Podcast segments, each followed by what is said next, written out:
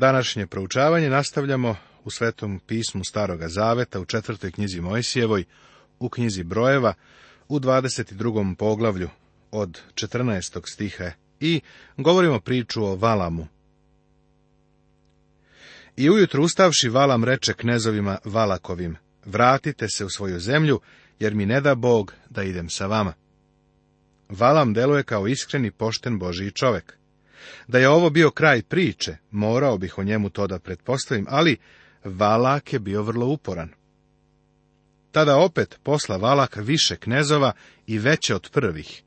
I oni došavši k Valamu rekoše mu, ovako veli Valak, sin Seforov, nemoj se zatezati, molim te, nego dođi k meni, jer ću te dobro darivati i što mi god rečeš, činit ću.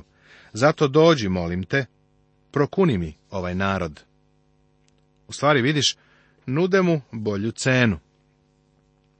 A Valam odgovori i reče slugama Valakovim, da mi da Valak kuću svoju punu srebra i zlata, ne bih mogao prestupiti reči gospoda Boga svojega da učinim šta malo ili veliko. Tako, povećali su cenu, ali to kao da mnogo ne utiče na Valama. Odbija ih, ovde zvuči tako pobožno. Prosto bih na to rekao amin. Onda mi još nešto pada na pamet. On je suviše dobar da bi bio iskren. Zašto je govorio o kući puno i zlata i srebra onda? Rekao je to jer o tome razmišlja. Pohlepan je i njegov um je usmeren u tom pravcu. Ali opet, ostanite vi ovdje i ovu noć da vidim šta će mi sada kazati gospod.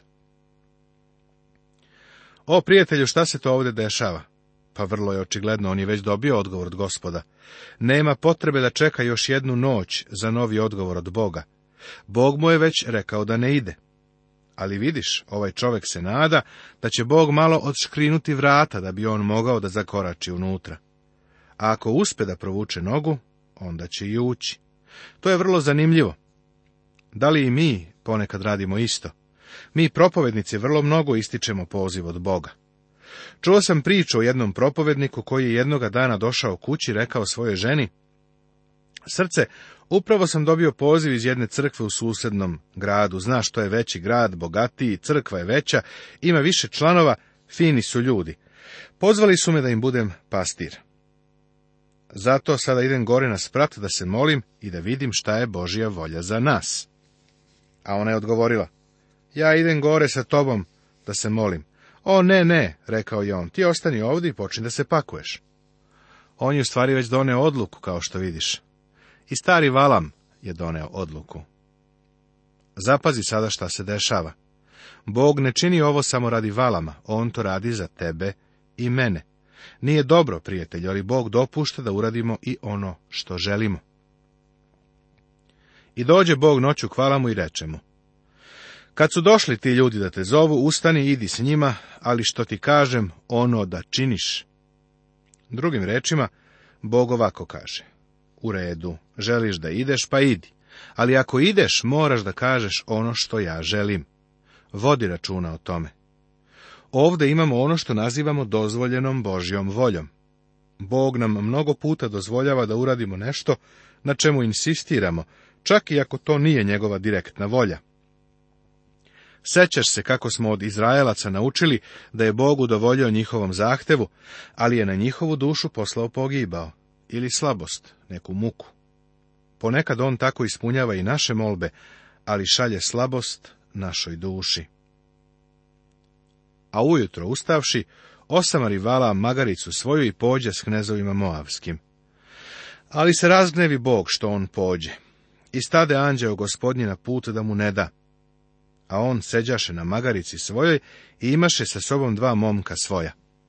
A kad magarica vide anđela gospodnjega gdje stoji na putu s golim mačem u ruci, svrnu magarica s puta pođe preko polja. A valam je stade biti da se vrati na put. On je imao direktni Boži odgovor, ali mu se taj odgovor nije sviđao. Bog mu dozvoljava da ide. Sada Bog šalje svog anđela, ali prorok uopšte nema nameru Božiju vidimo da ne posjeduje duhovno razaznavanje, čak nikoliko jedna glupa životinja. A anđeo gospodnji stade na stazu među vinogradima, a beše zid i odovud i odonud. I magarica, videći anđela gospodnjega, pribi se uz drugi zid i pritište nogu Valamovu o zid, a on je stade opet biti. Potom anđeo gospodnji otide dalje i stade u tesnacu, gde ne beše mesta da se svrne ni na desno, ni na levo Valam je rešio da ide, bio je pohlepan. I magarica, videći anđela gospodnjega, pade pod Valamom. A Valam se vrlo razljuti i stade biti magaricu svojim štapom. Tada gospod otvori usta magarici, te ona reče Valamu, šta sam ti učinila, te me biješ već treći put. Ovo je naravno bilo čudo. Bog koristi ovaj metod da bi preneo svoju poruku. Jedan šaljivđija je rekao da je u valamo vreme bilo čudo to što je Magarica progovorila, a da je u naše vreme čudo kada čuti. Ovo je verovatno istina. A Valam reče Magarici, što mi prkosiš? Da imam mač u ruci, sad bih te ubio. A Magarica reče Valamu, nisam li tvoja Magarica? Jašeš me od kako sam postala tvoja do danas, jesam li ti ikad kad tako učinila? A on reče nisi. Tada gospod otvori oči Valamu, koji ugleda anđela gospodnjega gde stoji na putu s golim mačem u ruci. I on savi glavu i pokloni se licem svojim. Anđeo je ponovo upozorio Valama da treba da govori samo ono što mu je gospod bude rekao. Tako je Valam otišao na sastanak sa carom Valakom. I reče mu anđeo gospodnji, zašto si bio magaricu svoju već tri puta? Evo ja izidoh da ti ne dam, jer tvoj put nije meni po volji. Kad me ugleda magarica, ona se ukloni ispred mene već tri puta, a da se nije uklonila ispred mene, tebe bih već ubio, a nju bih ostavio na životu. A Valam reče anđelu gospodnjemu, zgrešio sam, jer nisam znao da ti stojiš predamnom na putu. Ako tebi nije po volji, ja ću se vratiti. A anđeo gospodnji reče Valamu, idi s tim ljudima, ali samo ono govori što ti ja kažem. Tada Valam otide s knezovima Valakovim. To je ono što Sveto pismo naziva Valamovim putem. Govoreći o lažnim prorocima, Petar je napisao, napustivši pravi put, zabludeše i pođeše putem Valama, Verova, kome omile nepravedna plata, ali je primio ukor za svoje bezakonje. Nemo živinče progovori ljudskim glasom i spreči prorokovu nerazumnu nameru. Ovo je druga poslanica Petrovo drugo poglavlje Svetog pisma Novog Zaveta. Valamov put je bila pohlepa. Nažalost, danas se mnogi hrišćani i mnoge hrišćanske organizacije ovako odmeravaju, novcem. Neka nas gospod sačuva od pohlepe. Obrati sada pažnju na ovaj prizor. Valam ide svojim putem i stiže na mesto gde je Izrael ulogoren. A kad ču Valak da ide Valam, izide mu na susret u grad Moavski na međi Arnonskoj, na kraj međe. I reče Valak Valamu, nisam li slao k tebi i zvao te? Zašto mi ne dođe? E, da li te ne mogu darivati? A Valam reče Valaku, evo sam došao k tebi, ali hoću li moći što govoriti? Što mi Bog metne u usta, ono ću govoriti. I otide Valam s Valakom i dođoše u grad Uzot. I nakla Valak volova i ovaca i posla Valamu i knezovima koji behu s njim. A ujutru uze Valak Valama i odvede ga na visinu Valovu i odande mu pokaza jedan kraj naroda. Valak, Moavski car, odvodi ga na vrh brda odakle može da vidi logor Izraelaca koji se ispod proteže. Poglavlje 23 tema. Valamova greška, nepoznavanje Božije pravednosti. Ovde imamo jedan impresivan prizor. Valam dolazi kod Valaka, Moavskog cara. Valak vodi Valama na vrh brda da bi video izraelski logor koji je postavljen ispod brda. Stvar je u tome što Valak nije zadovoljan ni jednim Valamovim proroštvom. Zato ga vodi na četiri različite visine odnosno uzvišenja, sa četiri različite strane logora. Prvo proroštvo. Valak je poveo valama na valovu visinu. Tamo su prineli žrtve paljenice i tamo je gospodu valamova usta stavio reč. A on otvori priču svoju i reče. Iz Arama dovede me Valak, car Moavski, s planine istočne, govoreći. Hodi, Prokuni mi Jakova, hodi na ruži Izraela. Kako bih kleo onoga koga ne kune Bog? Ili kako bih ružio onoga koga gospod ne ruži? Jer svrh stena vidim ga, iz humova gledam ga. Gle, ovaj će narod nastaviti sam i s drugim narodima neće se pomešati. Ko će izbrojiti prah Jakovljevi broj od četvrti Izraela? da bih ja umroh smrću pravedničkom i kraj moj da bi bio kao njihov. Tada reče Valak Valamu, šta to radiš od mene? Ja te dozvak da prokuneš neprijatelje moja, a gle ti blagosiljaš jednako. A on odgovori i reče, zar neću paziti i govoriti ono što mi je gospod metnuo u usta? Evo prvog od niza izvanrednih proroštava o izraelskom narodu. To uopšte nije bilo ono što je Valak hteo da čuje nije bio zadovoljan proroštvom, pa je odveo Valama na drugo uzvišenje, da bi mu omogućio drugi pogled na Izraelce koji su se ulogorili u dolini. Drugo proroštvo Valak je onda odveo Valama na vrh Fazge, gde su prineli žrtve paljenice. Vidjeli su Izraelce dole u logoru, a gospod je ponovo susreo Valama i stavio mu reč u usta a on otvori priču svoju i reče. Ustani, valače, i poslušaj, čuj me, sine Seforov. Bog nije čovek da laže, ni sin čoveči da se pokaje. Što kaže, neće li učiniti, i što reče, neće li izvršiti. Gle, primih da blagoslovim, jer je on blagoslovio, a ja neću poreći.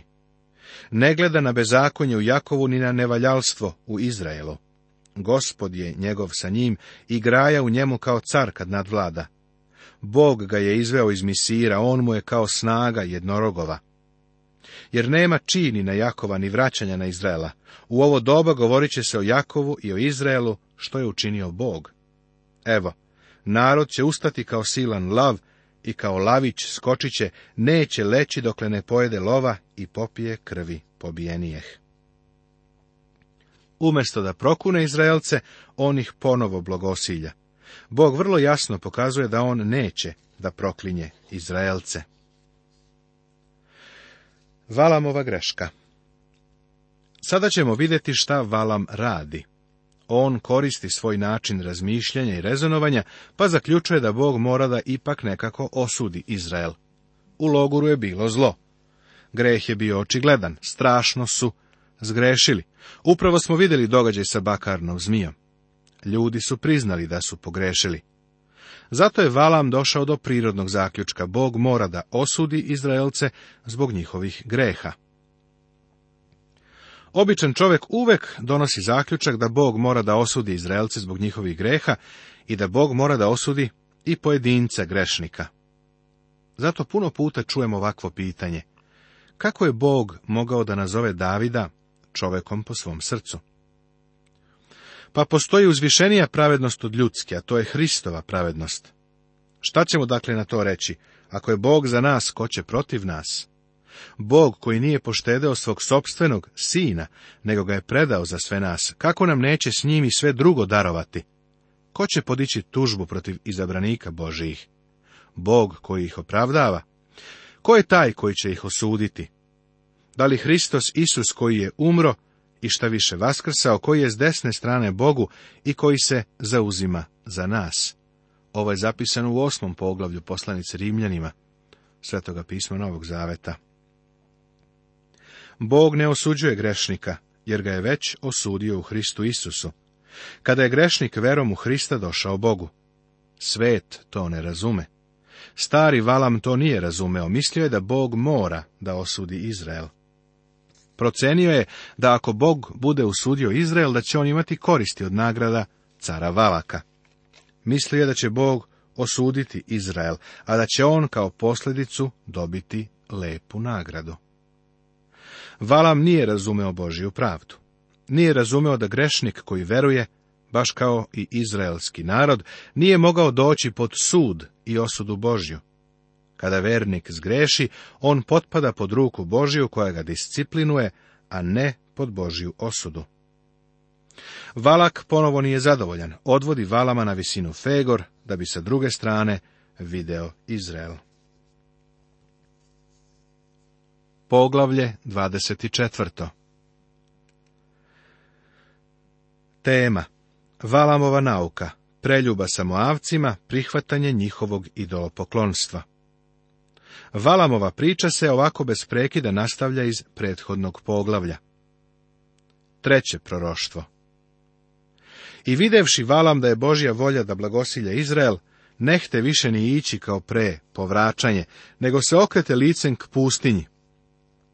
I podigavši oči svoje ugleda Izraela, gde stoji po plemenima svojim, i duh Boži dođe na nj.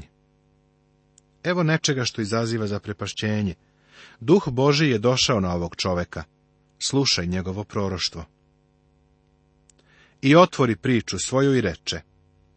Kaže Valam sin Veorov, kaže čovek kome su otvorene oči, kaže onaj koji čuje reči Božije, koji vidi utvaru svemogućega, koji kad padne, otvorene su mu oči. Kako su lepi šatori tvoji Jakove i kolibe tvoje Izraelu, Pružili su se kao potoci, kao vrtovi kraj reke, kao mirisava drveta koja je posadio gospod, kao kedri na vodi. Poteći će voda iz vedra njegova i seme će njegovo biti među velikim vodama, i car će se njegov podignuti svrh Agaga, i carstvo će se njegovo uzvisiti. Bog ga je izveo iz misira, i on mu je kao snaga jednorogova, Poješće narode koji su mu neprijatelji i kosti će njihove potrti i strelama svojim postreljati ih. Spustio se, leži kao lavić i kao ljuti lav. Ko će ga probuditi? Ko tebe blagosilja, bit će blagosloven, ako tebe kune, bit će proklet. U izraelskom logoru je bilo greh, ali se Bog time pozabavio. Postavio je bakarnu zmiju, gresi su, dakle oprošteni. Bog nikome s polja neće dozvoliti da ih optužuje. Sve što Valam može da učini jeste da ih blagoslovi i hvali. Na isti način Sotona ne može da optužuje izabrane Božije ljude. Ko će podići tužbu protiv izabranika Božijih? Bog koji ih opravdava? Ko je taj ko će ih osuditi? Da li Hristos Isus koji je umro i šta više vaskrsao, koji je s desne strane Bogu i koji se zauzima za nas, kaže apostol Pavle u osmom poglavlju poslanice Rimljanima. Šta da kažemo na sve ovo? Ja na to nemam da kažem ništa osim aliluja. Ako je Bog sa nama, ko će protiv nas? Ko može da optuži izabrane Božje? Niko. Bog ih je već proglasio pravednima. Tada se razgnevi Valak na Valama i pljesnu se rukama i reče Valak Valamu, dozvah te da prokuneš neprijatelje moja, a ti si blagoslovio eto već tri puta. Odlazi u svoje mesto, rekog da ću te darivati, a eto gospod ti ne da dara. A Valam reče Valaku, nisam li i poslanicima tvojim kazao, koje si poslao k meni, rekao, da mi da Valak kuću svoju punu srebra i zlata, ne bih mogao prestupiti reči gospodnje, da učinim što dobro ili zlo od sebe. Što kaže gospod, ono ću kazati. Ja sada evo idem k narodu svojemu, ali da ti kažem šta će taj narod učiniti narodu tvojemu najposle. Valak je naravno ljut, ali ga Valam podsjeća da ne može da prorokuje ništa izvan Božije zapovesti. Četvrto proroštvo Potom otvori priču svoju i reče, kaže Valam sin Veorov, Kaže čovek kome su otvorene oči, kaže koji čuje reči Božje i koji zna znanje o višnjem i koji vidi utvaru svemogućega i kad padne otvorene su mu oči. Pažljivo posmatraj ovo. Ovo je najizvanrednije proroštvo koje obično slušamo za Božić. Vidim ga, ali ne sad. Gledam ga, ali ne izbliza. Izaći će zvezda iz Jakova i ustaće palica iz Izraela koja će razbiti knezove Moavske i razoriti sve sinove Sitove. I Jedoma će osvojiti i Sira će osvojiti neprijatelji njegovi, jer će Izrael raditi junački. I vlada će, koji je od Jakova i zatrče ostatak od grada. Da li si ikada prestao da se pitaš gde su mudraci naučili da traže zvezdu? Kako su tu zvezdu povezali sa carem koji se rodio čak tamo u Izraelu? Zašto su krenuli na tako dug put? Očigledno je da je ovo Valamovo proroštvo sačuvano, pošto je on smatran izuzetnim prorokom sa istoka, a mudraci su za to proroštvo znali. Kada su vidjeli tu posebnu zvezdu, setili su se da je Valam rekao, izaći će zvezda iz Jakova i ustaće palica iz Izraela. Sada Valam prorokuje o narodima oko Izraela. A ugledav Amalika otvori priču svoju i reče. Amalik je početak narodima, ali će najposle propasti. A ugledav Keneja otvori priču svoju i reče. Tvrd ti je stan i na steni si savio gnezdo svoje. Ali će biti izgnan Kenej, Asur će ga zarobiti. I opet otvori priču svoju i reče, jao, ko će biti živ, kad to učini Bog? i lađe iz zemlje kitimske doplovići i dosadit će Asircima i dosadiće će jevrejima, ali će i sami propasti. Ovim proroštvom nikako nije zadovoljio cara Valaka. Potom ustavši, Valam otide i vrati se u svoje mesto, a Valak otide svojim putem. Ovo je vrlo neobična izjava o Valamu. Ustao je krenuo, vratio se na svoje mesto. U Svetom pismu postoji samo još jedan čovjek za koga piše da se vratio na svoje mesto, a to je Juda. Sveto pismo o svemu ovome čuti. U četvrtoj Mojsijevoj 31. poglavlju saznajemo da je Valam ubijen u borbi zajedno sa madijanskim carevima. I Valama, sina Veorova, ubiše mačem. Valam je ubijen i kao juda otišao je na svoje mesto. Nastavit će se.